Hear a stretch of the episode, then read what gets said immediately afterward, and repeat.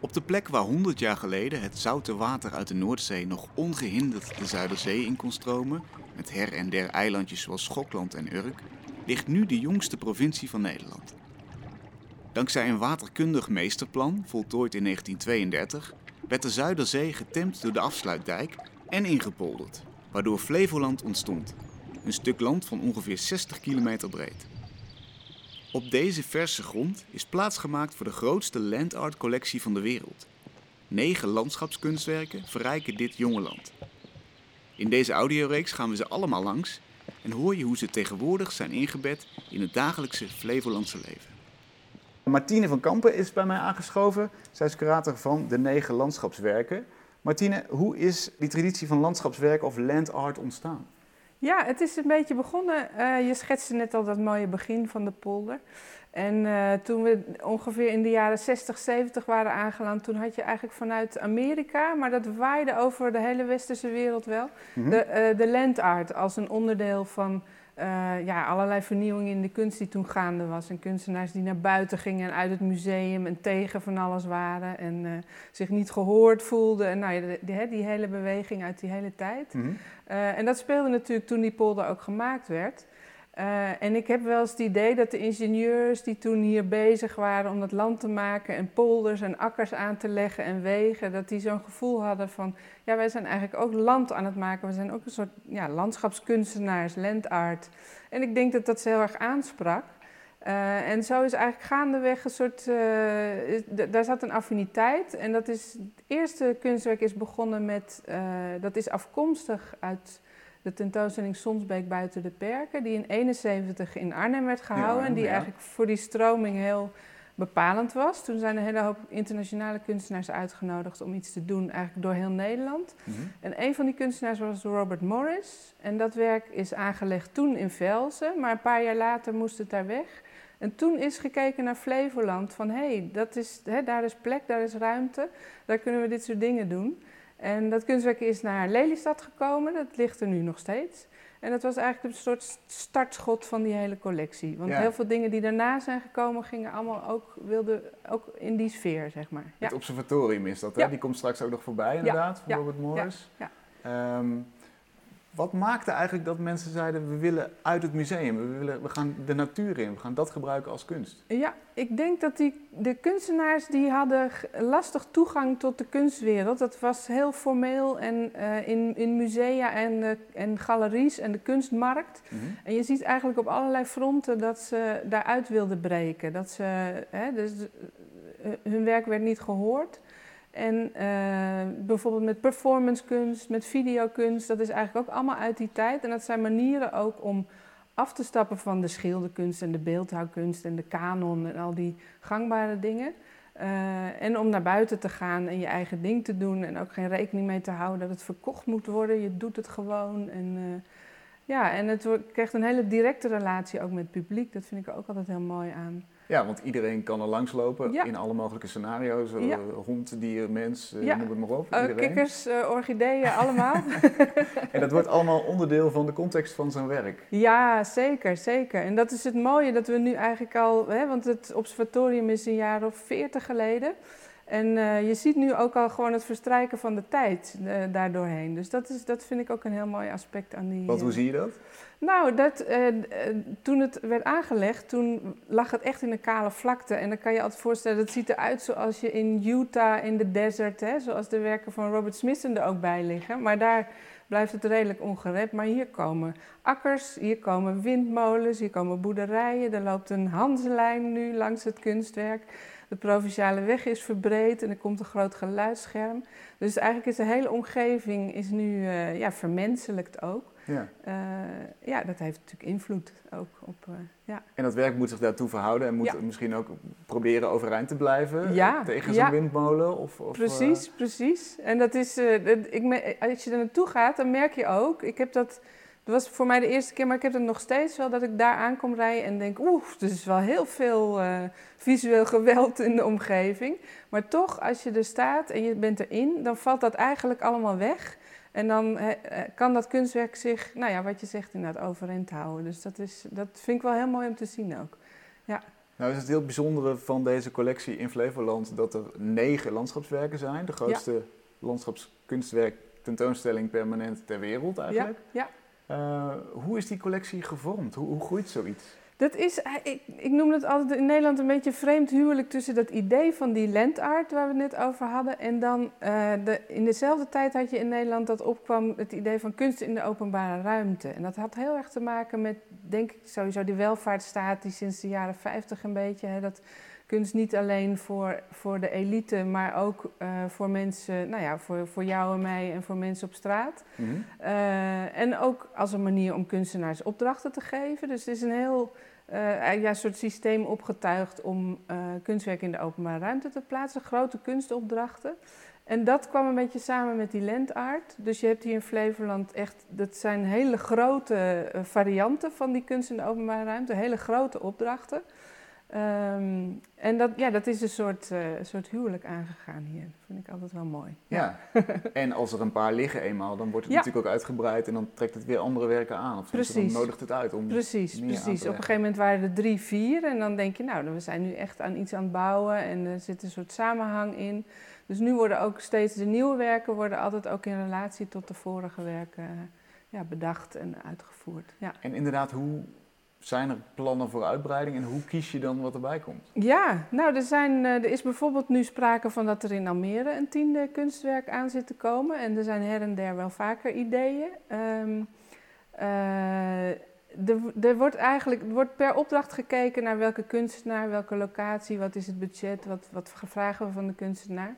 Maar naar mijn idee zou het heel goed zijn om nog meer te kijken naar die collectie en ook te kijken naar wat hebben we nu. En ontbreekt er ook nog iets aan, bijvoorbeeld. En hoe schets je die collectie in een paar woorden? Het is, uh, het is een hele monumentale collectie. Het is allemaal in het landschap. Het gaat over het landschap. Ze zijn allemaal behoorlijk, uh, ja, ik noem het altijd hufteproof, zeg maar. Hey, ja. Je kan er...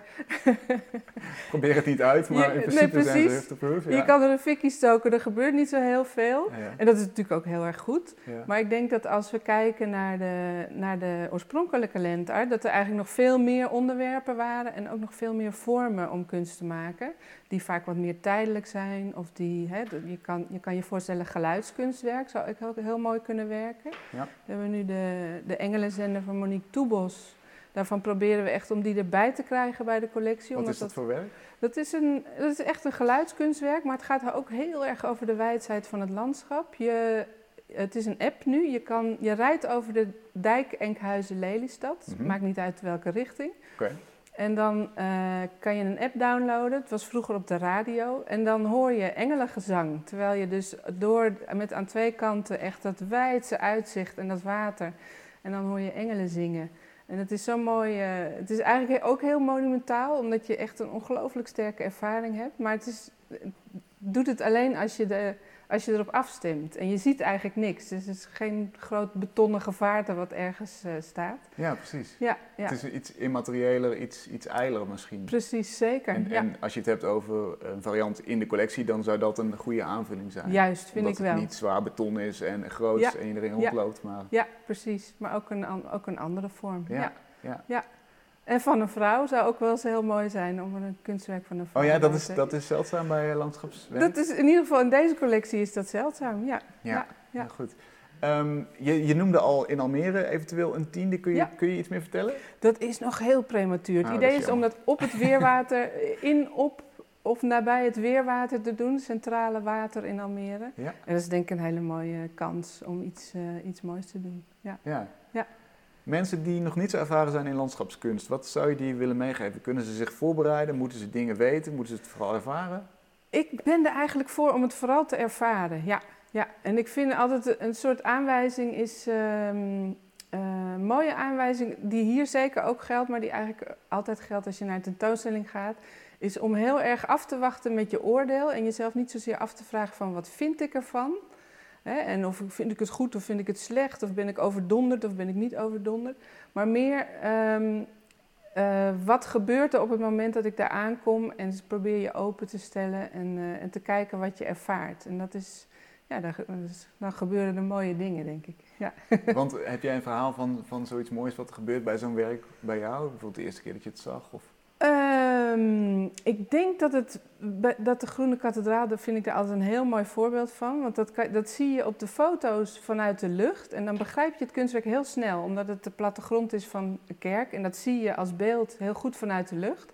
Maar dat zie je natuurlijk eigenlijk niet op de grond, als je op de grond aankomt lopen. Ja, omschrijf me even heel even kort, wat, wat zie je? Je ziet, uh, je ziet een hele hoop bomen staan, hele eh, lange, dunne bomen. En die staan dan op dat grid van, die, van de zuilen van de kerk in de plattegrond. Maar eigenlijk uh, betreed je het kunstwerk en het is alsof je een enorme open ruimte bent. En de bomen zijn heel hoog, waardoor je ook heel erg, je voelt je heel klein, zeg maar. Je wordt er echt omgeven. Mm En het, is, ja, het heeft iets, iets inderdaad heel kerkelijks, maar ook iets heel natuurlijks. En het is heel... Ja, het is een kathedraal van uh, gevormde populieren eigenlijk. Hè? Dus een bos in de vorm van de exacte replica van een kathedraal. Van de kathedraal, En dan is er ook nog de negatieve vorm daarvan. Ook nog de negatieve vorm. En die heeft weer een extra element, omdat je niet... Als je daar inloopt, die, dat voelt veel groter, maar het is eigenlijk hetzelfde oppervlak als, de, als het positief. Uh, en dat, ja, dat, dat, geeft weer een heel ander idee van ruimte. En dan het besef dat die bomen die daar omheen staan, die groeien heel langzaam. Waardoor ja, door de tijd heen dat nog veel hoger zal worden en die ruimte ook weer helemaal anders gaat worden.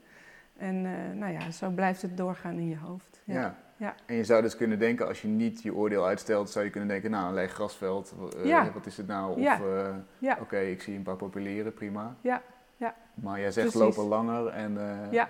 ja. je moet iets weten ook wel van het werk, denk ik. Dat helpt altijd, tuurlijk. En het is, want het is ook leuk om te weten waar je bent en wat je. En dat voegt steeds ook weer dingen toe. En uh, met de ervaring alleen kom je er ook niet. Maar het is wel het is fijn om die pure ervaring ook te hebben, zeg maar, die, ja. die eerste. Ja. Nou, en voor de extra verhalen zijn wij natuurlijk dit weekend. Juist. Dus dat is ook weer heel goed. Ja. Um, er is zelfs nog een extraatje, ja. namelijk een playlist hè, van extra muziek die je kan begeleiden bij het zien van dat werk. Ja, ja. Waarom een playlist? Waarom een playlist? Nou, er zijn eh, vast mensen die voor het eerst nog naar Flevoland komen en die dat... Uh, die, die, die, die, hun eerste bezoek en die dan alles gaan bekijken en lezen. Maar er zijn vast ook mensen die al eens vaker ergens zijn geweest. Mm en voor hen willen, we, willen we die ervaring ook weer een keer anders maken. En uh, hebben we Vesna Dragojevic gevraagd om die playlist te maken. En dat maakt het eigenlijk mogelijk om, de, om die, op die plekken rond te lopen met weer een andere ervaring. Dus de muziek die voegt dan iets toe. Die gaat natuurlijk ook je blik sturen en je, of je emoties sturen waarschijnlijk. Uh, en nou ja, dat is een andere manier om, die weer, uh, om ze te bezoeken. Dankjewel Martine. Ja. Ik wil er veel meer over weten over die playlist. En Vesna is hier, dus we gaan het gewoon haar vragen. Vesna, wat een goed idee eigenlijk. Hoe ben je op het idee gekomen?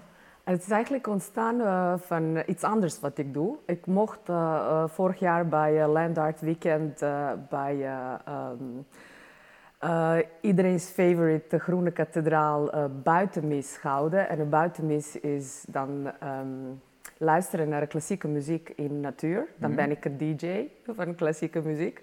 En mensen krijgen hoofdtelefoon van silent disco set. Dan ben je echt helemaal op in jezelf.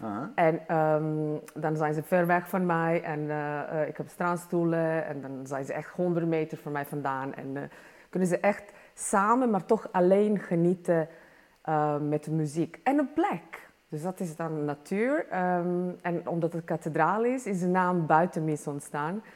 En dan muziek vervoert je eigenlijk. Dat zeg ik altijd. Het is een soort van vervoermiddel. Zoals heel veel kunstdisciplines. Maar in, in dit geval muziek. Ja. Die vervoert je naar, naar binnen, maar ook naar buiten. En het is heel plezierig en uh, fijn.